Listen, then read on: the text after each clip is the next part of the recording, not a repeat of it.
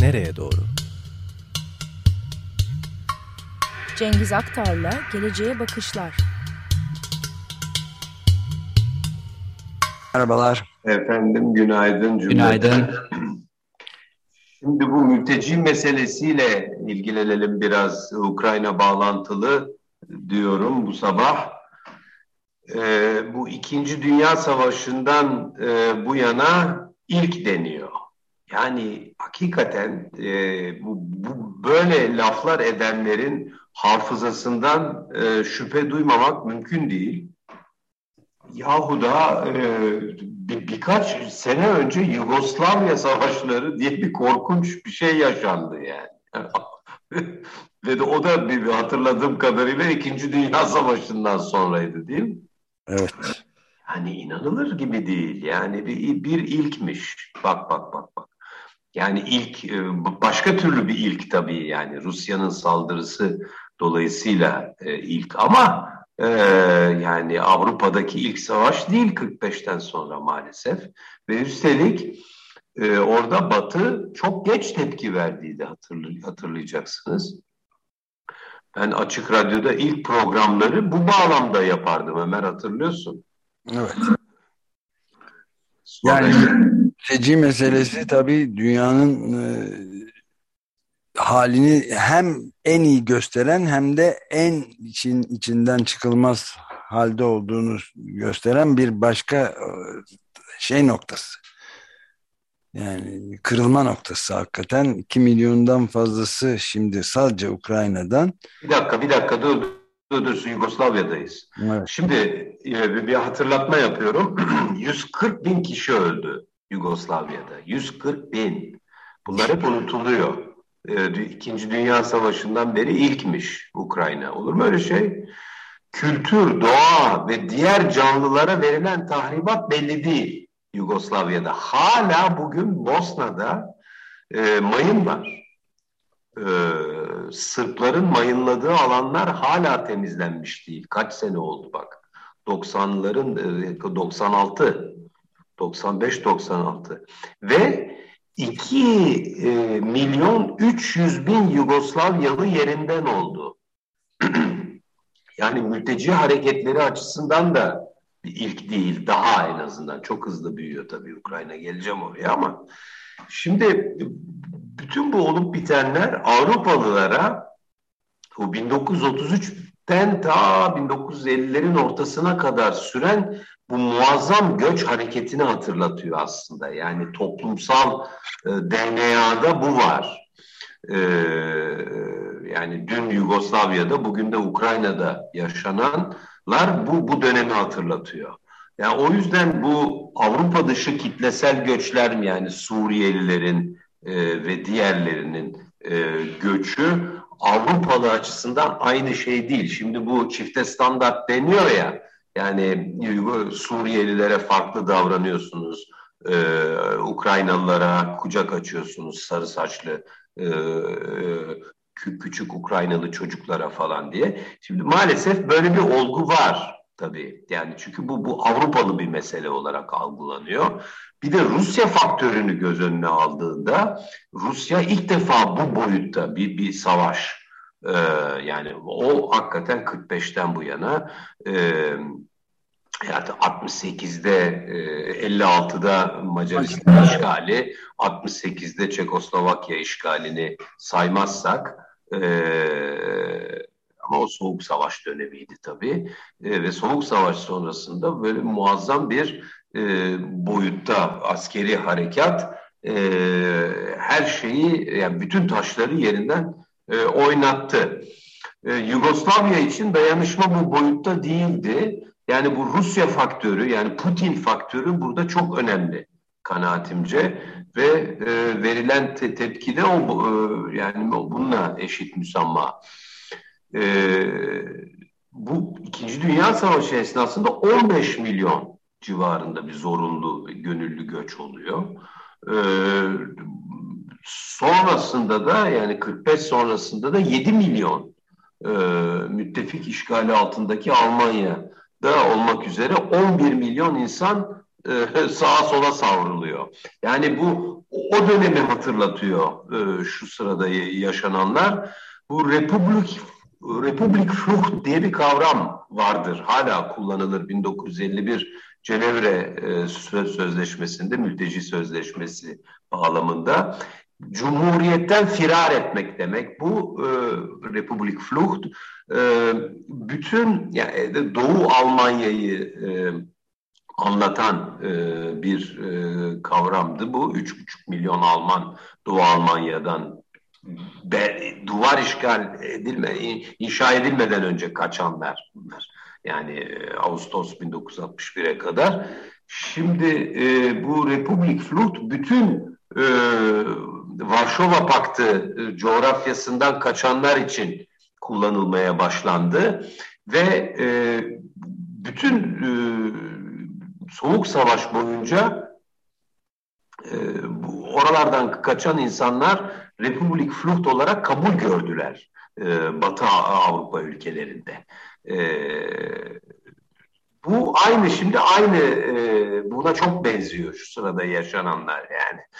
E, üç buçuk milyon Alman yani Doğu Almanya'dan Batı Almanya'ya intikal etmişti. Ondan sonra duvardan sonra çok azaldı tabii. Yani binlerle sayılıyordu. Tek tek kaçar kaçanlar. Hani filmler vardır ya hatırlarsınız. Evet.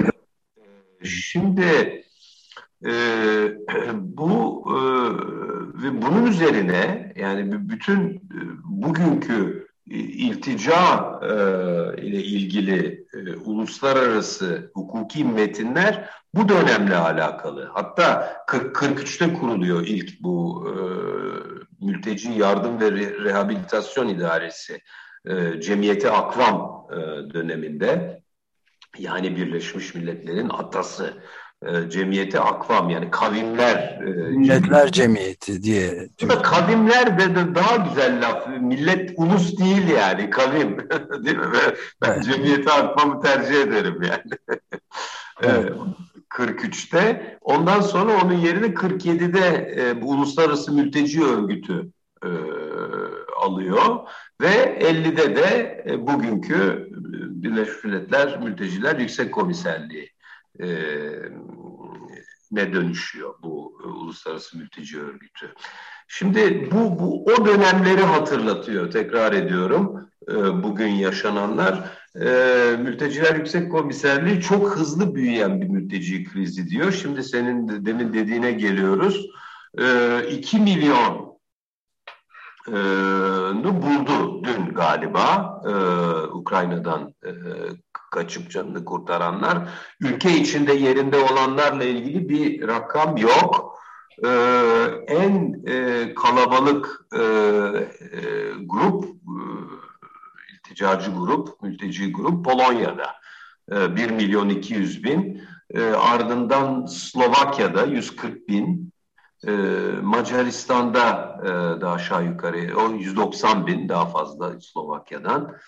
Romanya ve Moldava'da 80'er bin. Evet, ee, küçük bir ülke olmasına rağmen büyük bir... Moldavya en çok en büyük yükü kaldırıyor şu sırada. Evet, çok küçük bir ülke olmasına rağmen muazzam bir rakam onlar için. Ee, Türkiye'de de 20 bin e, Ukraynalı e, olduğu söyleniyor. Yunanistan'da 5 bin, İsrail'de 2 bin fakat İsrail e, e, Ukraynalı e, Yahudiler için bir hava köprüsü e, kurmaya çalışıyor. E, yani İsrail ile Ukrayna arasında toplam 120 bin Yahudi e, asıllı Ukraynalı var e, şu sırada ve diğer Avrupa ülkelerinde de 200 bin e, Ukraynalı olduğu e, bilgisi geldi. Mülteciler Yüksek Komiserliğinden. E, bu mülteci meselesi böyle.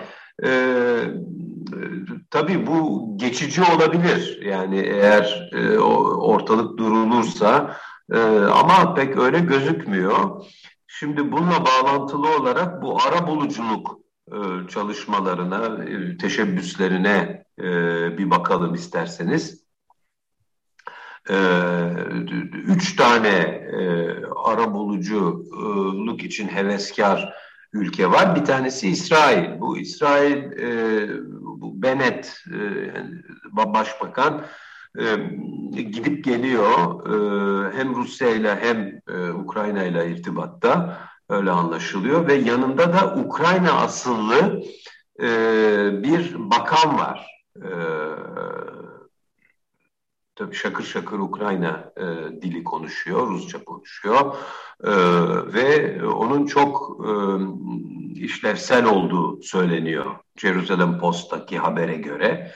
E, bir bu var. İkincisi Çin e, devrede öyle anlaşılıyor. E, onlar da bir şeyler yapmaya çalışıyorlar.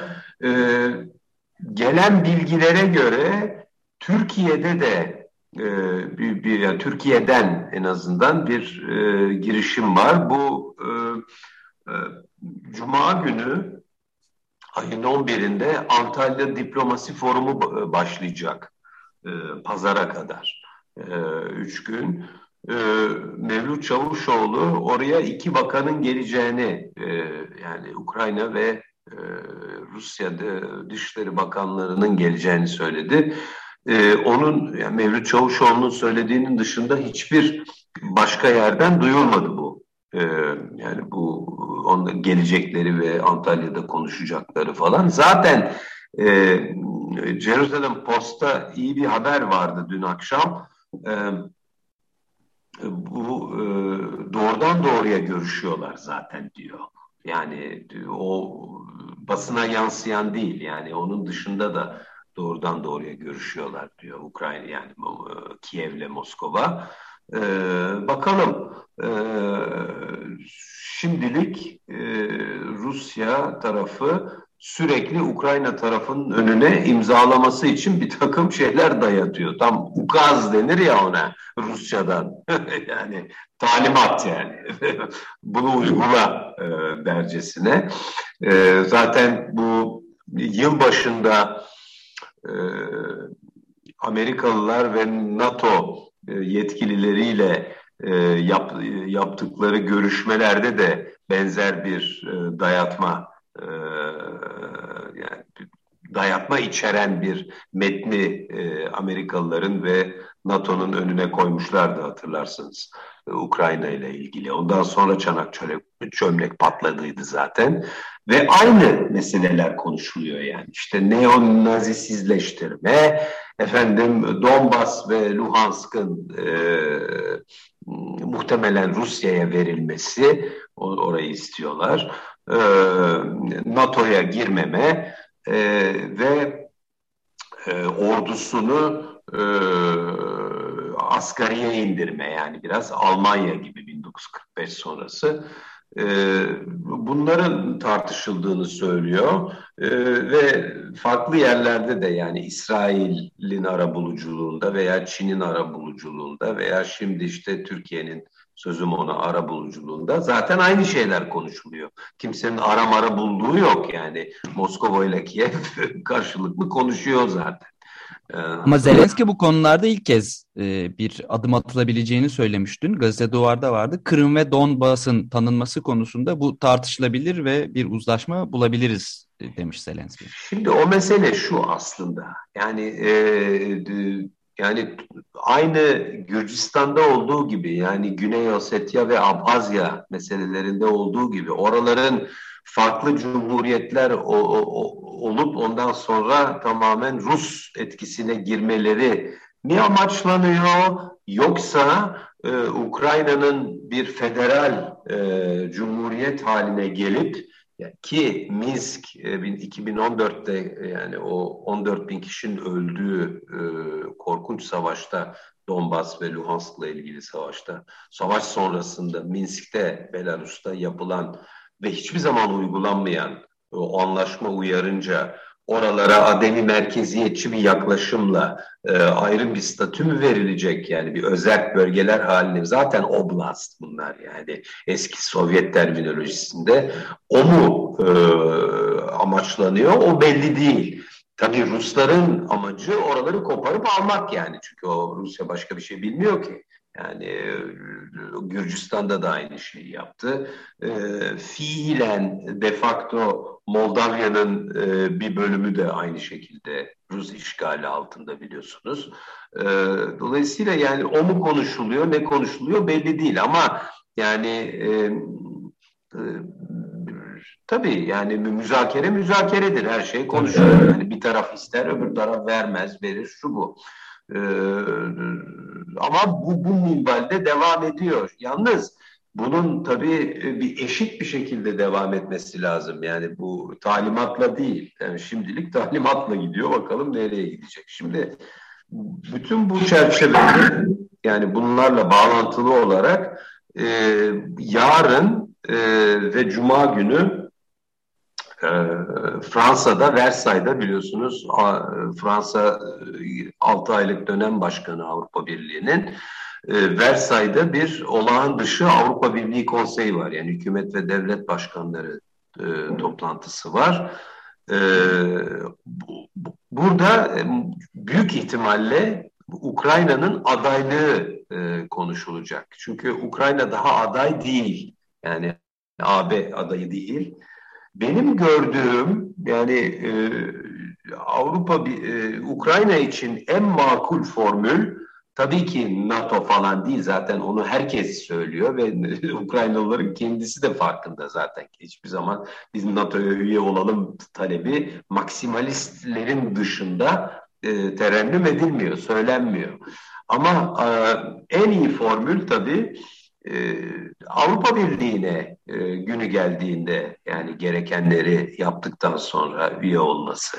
E, çünkü o da bir e, security garanti yani bir e, güvenlik e, garantisi olarak e, ülkenin önünde. Zaten yani 1989'dan bu yana yapılamayan ve yapılması gereken de buydu belki. Yani NATO'dan bahsedileceğine Avrupa Birliği üyeliği üzerinde e, ısrarla durulsaydı hem Ukrayna tarafından hem e, Avrupa Birliği üyeleri tarafından e, işler buraya kadar gelmeyebilirdi. Çünkü e, Moskova'nın e, Ukrayna'nın Avrupa Birliği üyeliğine yine bir takım e, maksimalistler e, dışında hayır dediğini duymadık yani. E, dolayısıyla hayır deme durumu da yok zaten. Sana ne derler adama. Dolayısıyla burada bir e, bir, bir, bir açık kapı var. E, 24-25 Mart'ta e, Mart ayında yapılan ara zirve var Avrupa Birliği'nin. Resmi zirve bu. Gene AB Konseyi zirvesi. Orada e, Ukrayna'ya, Gürcistan'a ve e, Moldavya'ya e, adaylık statüsü verilebilir. E, tabii Avrupalıların da burada büyük hatası var. Yani hep bu e, genişleme politikasını e, epeydir savsaklıyorlar yani ve alttan alıyorlar. Bakalım ne olacak? Şimdi e, bir konsensüs olduğu anlaşılıyor. 11 e, üye ülke bütün yeni giren Orta ve Doğu Avrupa ülkeleri yani eski e, Varşova Paktı, Sovyet e, bloku ülkeleri işte bunlara e, Slovenya ve e, Hırvatistan'ı da dahil etmek lazım. 11 AB üyesi e, açık açık Ukrayna'nın e, acilen aday ilan edilmesini e, istiyor. E, diğer yani Batı eski üyelerden de tabii aynı e, talebi dile getirenler var. Yani bir konsensüs, bir ortak akıl e, o, e, oluşuyor e, bugün itibariyle. Bakalım ne olacak yarın? Yakından takip etmek lazım tabii. E, Avrupa Parlamentosu'nda aynı şekilde e, Ukrayna'nın e, adaylığı konusunda bir ee, orada da bir, bir, bir konsensüs oluştu. Keza hatırlayacaksınız bir 10 gün kadar önce Avrupa Komisyonu Başkanı Ursula von der Leyen, Avrupa Komisyonu evet Başkanı Ursula von der Leyen de aramızda görmek istiyoruz Ukrayna'yı artık dedi. Yani e, nereden baksan bir e, bir olumlu bir şey var. Bu tabii şu sırada devam eden e, görüşmelere, müzakerelere falan etkisi olacak, olabilecek bir gelişme. Yani e, çünkü o zaman NATO kartı e, daha kolaylıkla e, şey yapılabilir, unutulabilir Ukraynalılar tarafından. E, şimdilik e, durum bu. E, yani ben de şeyi ekleyeyim yani bu savaş korkunç görüntüleriyle filan devam ederken diplomasi ikinci planda hep görünüyordu. İşte savaş şeyleri uçakları mı yollayalım bombalar mı hava şeyini kapatalım mı açalım mı yani üstünü derken diplomasinin yeri tamamen yani unutulmuştu. Yani dünya ikinci dünya savaşı sonrası e, bu diplomasi yapısı hiçbir şekilde savaş ve barış meselelerini halleder gibi gözükmüyor. Yani e, ve Rusya'nın da bir takım işte güvenlik kaygılarını da dikkate almıyordu Batı'da da. Böyle bir sorun da vardı. Bu kaygısı mı? Avrupa Birliği çok... Kimin, anlamadım. Kimin güvenlik kaygısı? Rusya'nın. Rusya'nın da NATO'nun doğuya doğru... En... Rusya'ya birisi saldıracak mıymış ben ilk defa işitiyorum. Hayır öyle değil saldırı değil ama şey var. NATO'nun genişletilmesi doğuya doğru gitmesi. Yok canım öyle bir şey yok. Nereden çıktı Allah aşkına? O da isteyen giriyordu isteyen girmiyordu yani. Bunlar demokratik ülkelerdi yani NATO'ya girmek isteyen. O senin söylediğin Doğu Almanya ile alakalıydı ve Doğu Almanya e, tamamen e, NATO'dan, NATO güçlerinden arındırılması gerekiyordu ve o da yapıldı zaten. Doğu Almanya'da bir tane NATO üssü yok bugün. Almanya'nın doğusunda diyelim, Doğu Almanya'da ya Prusya'da yani. Onun dışında diğer ülkeler ne yaparsa yapar. Yani o yüzden ama tabii hani diyeceksin ki 2008'deki karar yani Bükreş zirvesinde Ukrayna ve Gürcistan'la ilgili karar doğru muydu? Değildi tabii. Yani o hata orada yapıldı ama NATO'nun genişlemesi falan Rusya'yı tehdit etmesi falan böyle bir şey yok yani. Bu tamamen Rus Rusya'nın, Moskova'nın e, propagandası yani. Koskoca, ha kendiliğinden çöküyor zaten. NATO'ya falan da ihtiyaç yok bu arada. İktisaden gidiyor. Ben, ben e, sözünü kestim ama e, şu e, Rusya'daki faşistlerden bahsetmek istiyorum. Dün e, Ukraynalı neonazileri işlediniz e, sabah. E, bu, bugün de e, Rus neonazilerine bakalım kalan birkaç dakika içerisinde. Bu Z harfi, Z harfi biliyorsunuz. E, bu böyle bir çılgınlık başladı. Yani e, Z harfi Ukrayna işgalinin e, sembolü. Gamalı haçı haline geldi. Özdeş farkındasın değil mi? Tabii tabii. E, bu e, zafer Takip ediyorum yakından. Zafer e, zafer anlamına mı geliyor? Batı anlamına mı geliyor belli değil. Çünkü e, İslavca, İslav dillerinin hepsinde e, Zapad, e, Batı demektir. E, bu yeni icat edilmiş bir, bir, e, bir sembol bu e, ve hızla e, bu yayılmacı e, Rus ideolojisinin ve ulusal kimliğinin sembolü haline gelmiş. Bir de bununla mücadele edenler çıktı şimdi. Yani onu vay sen nasıl arabana Z yazarsın diye millet birbiriyle e, kavga eder hale gelmiş vaziyette. Yani o hani Türkiye'de bir, bir, bir tuhaf bir e, böyle bir sancaklı falan bir şey var ya Arapça yazan arabaların arkasına koydukları insanların. Bu da öyle. Bu Z harfi e, gibi. E, Rus Ortodoks Kilisesi adına yapıldığı da söyleniyor. E, bu yani kilisenin burada payı hiç konuşulmuyor ama e, herhalde hızla konuşulmaya başlanacak çünkü bayağı işin içindeler öyle anlaşılıyor. E, Bakalım e, ne olacak ama yani bu e, Z meselesi çok tatsız. E, öyle çok kullanılan bir harfte değil e, olmadığı söyleniyor. bunu bunu bilenler. E, bu yani harf etrafında bir, bir neo Nazi yani e, yani tencere dibi kara seninki benden kara durumu yani çok ciddi bir neo Nazi hatta faşist e, bir e, dalga tip dalgası e, hakim yani Rusya'ya. Onu da, onu da gözden kaçırmayalım. Sosyal medyada böyle videolar var. Üzerine evet. Z tişörtü giymiş e, şeyler gruplar bunlar aşırı sağcı olduğu çok bariz olan gruplar ellerinde Rus bayraklarıyla evet. şarkılar söyleyip işte paylaşımlar yapıyorlar. Zafer şarkıları söylüyorlar tabii. Zafer dediğimizde işgal.